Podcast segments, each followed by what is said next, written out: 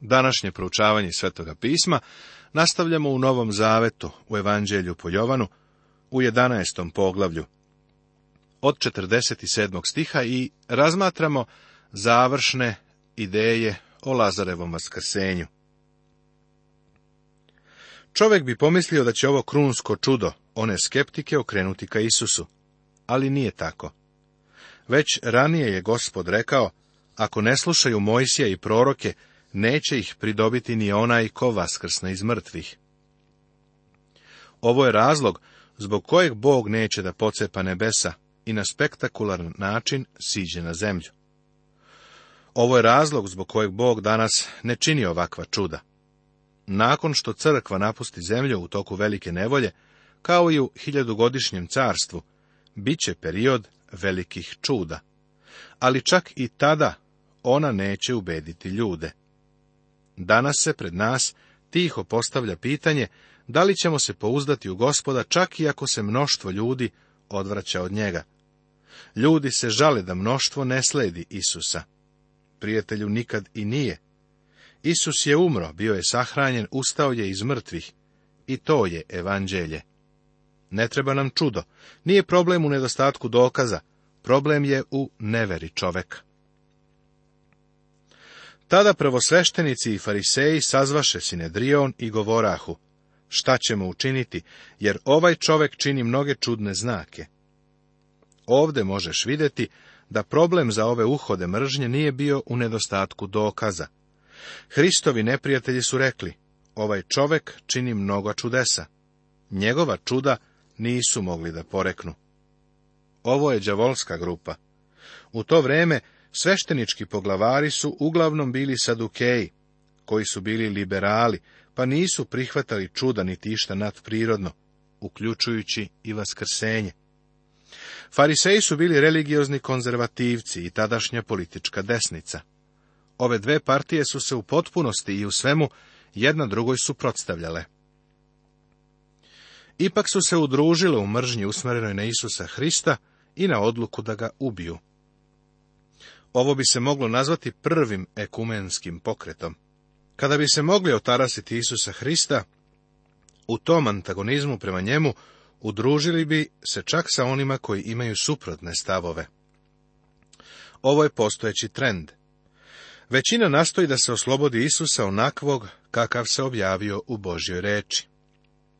Samo manjina prihvata Hrista, takvog kakav je. Ako ga tako ostavimo, svi će verovati u njega, pa će doći Rimljani i uzeće nam sveto mesto i narod. Plašili su se da će se masa naroda okrenuti ka Isusu, što bi izazvalo revoluciju. Ovo bi rimskom carstvu dalo priliku da ih napadne. Delovali su na osnovu straha. Strah je pokretačka snaga koja danas mnoge ljude odvaja od Isusa. Čak i u našim crkvama Hrišćanima nedostaje unutrašnja hrabrost da stanu na noge i zauzmu se za sveto pismo i za ljude koji ga poučavaju kao Božiju reč. A jedan od njih, Kajafa, koji je bio prvosveštenik one godine, reče im, vi ne znate ništa i ne pomišljate da je za vas bolje da jedan čovjek umre za narod i da sav narod ne propadne. A ovo nije rekao sam od sebe, nego je kao prvo sveštenik one godine prorekao da će Isus umreti za narod i ne samo za narod, nego i da skupi ujedno rasajanu decu Božju. Počeli su tako da daju razumska objašnjenje. Pa su rekli da je bolje da umre Isus, nego da od ruke rimskog carstva poumire narod. Zanimljivo je zapaziti da iako su uspeli u tome da Isusa usmrte, uprkos tome, i narod je uništen kada ga je napao 70. godine posle Hrista, rimski general Tit. Ovde nalazimo nešto neobično. Kajafino precizno predviđanje, jer je on te godine bio prvosveštenik. Kajafa je bio političar i karoš. Kasnije ćemo susresti njegovog tasta Anu, koji je također bio zlini kogović i vlast iza trona. To što je Kajafa imao dar proroštva, ne treba da nas zavara. Poput valama u starom zavetu, ovaj ništavan čovjek je mogao da iznese tačno proroštvo. Tako se posle onoga dana dogovoriše da ga ubiju. Stoga Isus nije više javno išao među ljudejima, nego ode odande u kraj blizu pustinje, u grad po imenu Efrem, i onda je boravio sa učenicima. Prijatelju, ovo je početak kraja. Oni otvoreno pokušavaju da ubiju Isusa i otvoreno pokazuju neprijateljstvo. Ne znamo tačno gde je grad Efrem. Verovatno je bio negde u divljini. A beše blizu judejska pasha, pa mnogi iz unutrašnjosti odoše gore u Jerusalim pre pashe da se očiste. Tražili su Isusa i stojeći u hramu govorahu među sobom, šta vi mislite, zar neće doći na praznik? A prvosveštenici i fariseji behu izdali naredbu da javi, ako ko sazna gde je, da ga uhvate. U Jerusalim su došli mnogi ljudi da se očiste pre pashe. Dok su obavljali ovaj beskrajni ritual i jedan drugoga tapšali po ramenima, pronosila su se različita mišljenja i razgovori o Isusu. Pitaju se da li će Isus ove godine doći na svetkovinu znaju da ga Sinedrion progoni. Vidiš, ako neće da veruju Mojsiju, neće verovati čak ni onima koji bi ustali iz mrtvih. U ovom trenutku Jovanovo evanđelje dostiže prelomnu tačku. Približavamo se posljednjoj sedmici zemaljskog života gospoda Isusa Hrista. Poglavlje 12. Tema Svedočenje jevreja i neznabožaca o Isusu. Isus dolazi u Vitaniju na večeru. Isus dolazi u Jerusalim, suzni ulazak. Isus dolazi Grcima. Isus dolazi u svoj čas. Isus dolazi na kraj svoje javne službe. Svedočanstvo jevreja i neznabožaca o Isusu. Sada smo došli do 12. poglavlja, pa idemo sa Isusom u posetu jednoj kući kući gdje su živjeli Lazar, Marija i Marta iz Vitanije. U evanđelju po Jovanu Isus svoju javnu službu započinje na venčanju u Kani Galilejskoj. Javnu službu okončava posetom ovom domu. Gospod stavlja naglasak na dom, hrišćanski dom, pobožni dom. Bog je blagoslovio brak. Sada dolazimo do ovog lepog prizora. Isus dolazi na večeru u Vitaniju. Šest dana pre Pashe dođe Isus u Vitaniju, gde je bio Lazar, koga je Isus vaskrsao iz mrtvih.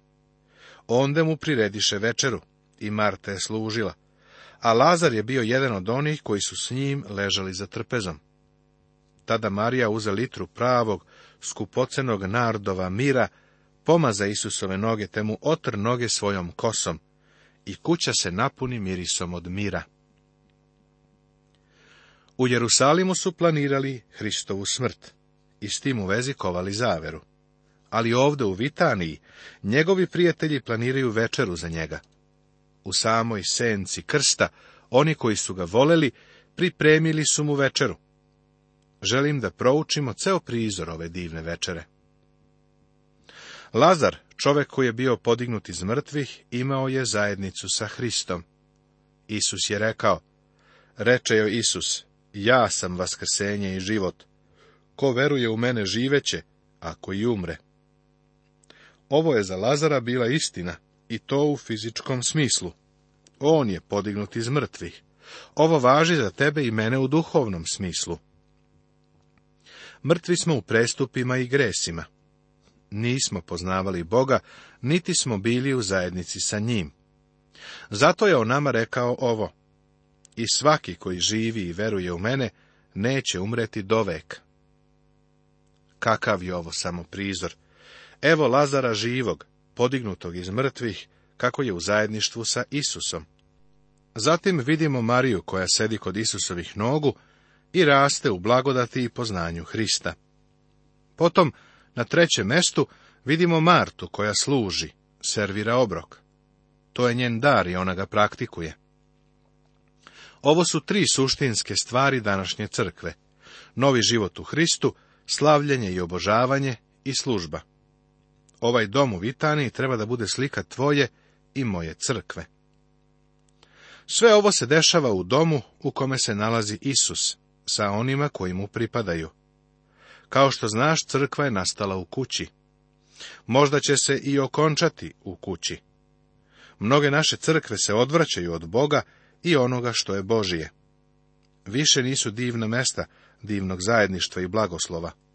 Pa tako se može desiti da će se crkva vratiti na kuće u kojima će se pronaći istinsko zajedništvo sa Hristom. Zatim primećujemo posvećenje i obožavanje, neizrecivu privrženost i duboku odanost ove žene Marije. Ona je Isusove noge pomazala skupocenim mirisom, i obrisala ih svojom kosom. Neki ljudi misle da je ovo ista priča kao ona u kojoj je prostitutka oprala Isusove noge. Mislim da ćeš jednoga dana imati problema sa Marijom ako tako misliš. Ona je potpuno druga osoba. Jedino što je isto jeste da su u oba slučaja kosom obrisane Isusove noge. Miris pomazanja je ispunio kuću. Divno. A Juda Iskariotski, jedan od njegovih učenika, koji je nameravao da ga izda, reče Zašto se ovo miro nije prodalo za tri stotine dinara i to dalo siromasima? Ali ovo reče ne zato što se brinuo za siromahe, nego što je bio lopov, kod njega je bila blagajna te je uzimao što se u nju stavljalo.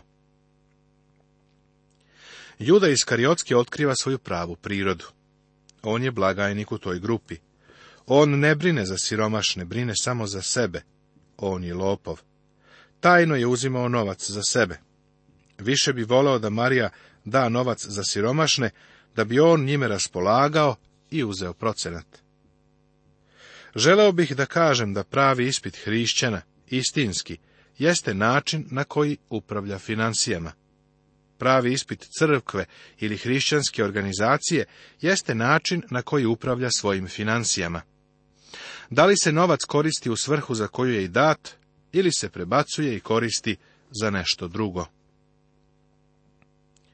300 dinara je bila godišnja plata radnika u to vreme. Pošto je narodov miris bio previše skupocen za Mariju da bi ga sama koristila, ona ga je izlila na Isusa. Prijatelju, kada bismo naučili da sednemo pored njegovih nogu, više bismo mu i mi davali. Marija je ovaj skupoceni miris čuvala u posudi od alabastera. Miris je poticao iz Indije, gde su biljke visoko u Himalajima rasle i bio je vrlo skup. Znaš li zašto ga je kupila i čuvala? Da bi kada umre moglo da se upotrebi za njeno telo. Sada ga ona upotrebljava za Isusa.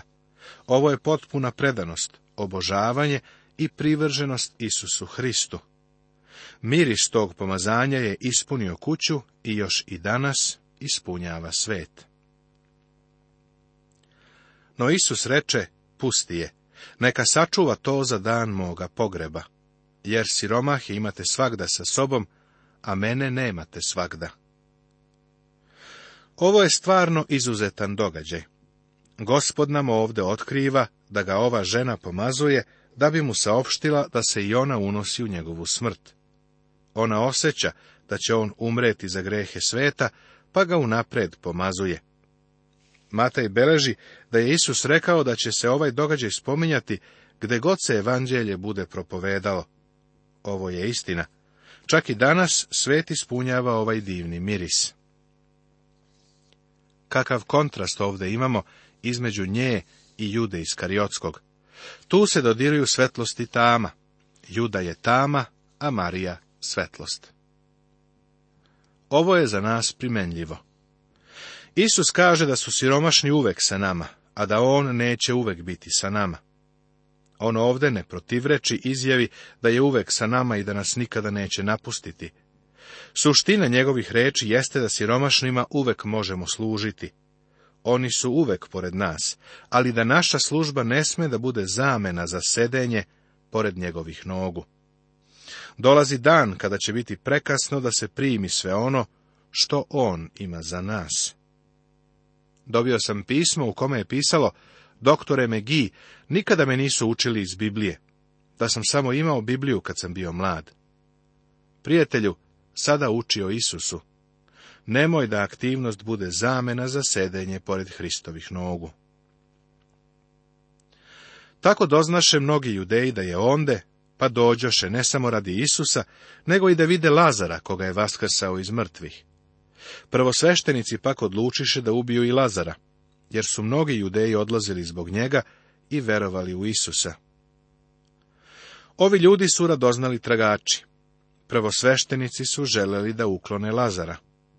Lično verujem da je narod iz radoznalosti došao da vidi Lazara radije nego Isusa, i da je vera koja je ovdje opisana veoma nalik na veru pokazanu kada je Isus prvi put došao u Jerusalim. Seti se da su ljudi verovali u njega, ali nisu želeli da mu se predaju.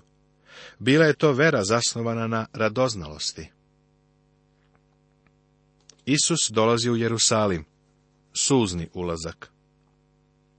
Sutradan, mnogi narod koji je došao na praznik, čuvši da Isus dolazi u Jerusalim, zapazi kako Jovan smešta u ovozemaljski kalendar onoga koji je došao iz večnosti. Ovde je reč o vremenu pre pashe i mnoštvo je u iščekivanju. Seti se da u Matejevom izveštaju piše da je Isus rođen i da su ga mudraci tražili i zvali ga car judejski. Sada, na kraju njegove službe, on je ponovo predstavljen kao car judejski uze grane od palmi, pa mu izađe u susret i vikaše, Osana, neka je blagosloven koji dolazi u ime gospodnje i to car Izraeljev. A Isus nađe magare te sede na njega, kao što je napisano, ne boj se, kćeri Siona, evo ide tvoj car, sedeći na magaretu. Ovde se on javno nudio kao car, a starešine i vođe ga naravno odbacuju. Više se ne meša sa narodom i više ih ne uči. To je već prestalo. Ovo je sada čin koji on izvodi kao ispunjenje proroštva. Nudi se narodu. Ovo nije zaista triumfalni ulazak. On je ušao kroz ovčiju kapiju, tiho, u toku svoje javne službe. Sve vreme svoje javne službe nastojao je da se povuče iz mase. Sada, kada je njegova javna služba gotova, on radi nešto najjavnije što je ikada uradio. Javno istupa i predstavlja se. Čini ovo da bi ispunio proroštvo, kao što je napisano. Ujahao je u Jerusalim da bi se ispunila Božja reč i Božja volja. Jovan nam iznosi vrlo kratak i sažet izveštaj o Isusovom ulasku, ali kaže da se ovim ispunjava Zaharijino proroštvo. Raduj se mnogo, kćeri Sionska, podvikuj, kćeri Jerusalimska, evo car tvoj ide k tebi, pravedan je i spasava, krotak i jaše na magarcu i na magaretu mladetu magaričinu. Isus se javno predstavlja Jerusalimu kao Mesija. Oni ga pozdravljaju sa Hosana, neka je blagosloven koji dolazi u ime gospodnje. Šta će Izrael učiniti sa svojim carem? Raspeće ga. Ovo njegovi učenici prvo nisu razumeli ali kad se Isus proslavio, tada se setiše da je to bilo napisano za njega i da su mu to učinili. Jovan ovo piše mnogo godina kasnije i priznaje da nije razumeo šta je Isus tog dana radio. Verovatno je pitao Jakova, Petra i Andriju, ali ni oni nisu razumeli. Jedino se Marija unela u njegovu smrt. Drugi to nisu shvatili sve do posle njegove smrti i vaskrsenja. Kad se Isus proslavio, tada se setiše da je to bilo napisano za njega i da su mu to učinili. A narod koji je bio uz njega, svedočio je da je on pozvao Lazara iz groba i vaskrsao ga iz mrtvih. Zbog toga mu je narodi izišao u susret, jer su čuli da je on učinio to čudo. Farisej pak rekoše među sobom, vidite da ništa ne možete. Eto, svet ode za njim. Evo situacije napunjene dinamitom. Mnoštvo naroda je puno entuzijazma zbog Isusovih čuda. Njihovo interesovanje je usmjereno na Lazara, a ne na Hrista. Fariseji imaju nameru da ga ubiju. Jerusalim je pun ljudi koji su došli na praznik. Isus je očigledno mogao biti krunisan, a da prethodno ne ide na krst. Međutim, da je odmah dobio krunu, da je danas vladar, ti i ja nikada ne bismo bili spaseni. Morao je da ode na krst, da bi nas spasao. Moja omiljena slika raspeća pokazuje tri prazna krsta. Tela raspetih su spuštena sa krstova i leže u grobovima. U pozadini se vidi magarence koje jede palmin list. Kakva poruka! Odbačena grana palme i krst govore o Hristovom takozvanom triumfalnom ulasku, gde je mnoštvo koje je vikalo Hosana, neka je blagosloven koji dolazi u ime gospodnje. Možda je to isto mnoštvo koje je sutradan uzvikivalo raspniga. Sada su otišli, a on je u grobu. Vidiš, on im se javno ponudio kao njihov car, ali su ga odbacili. Nastavit će se.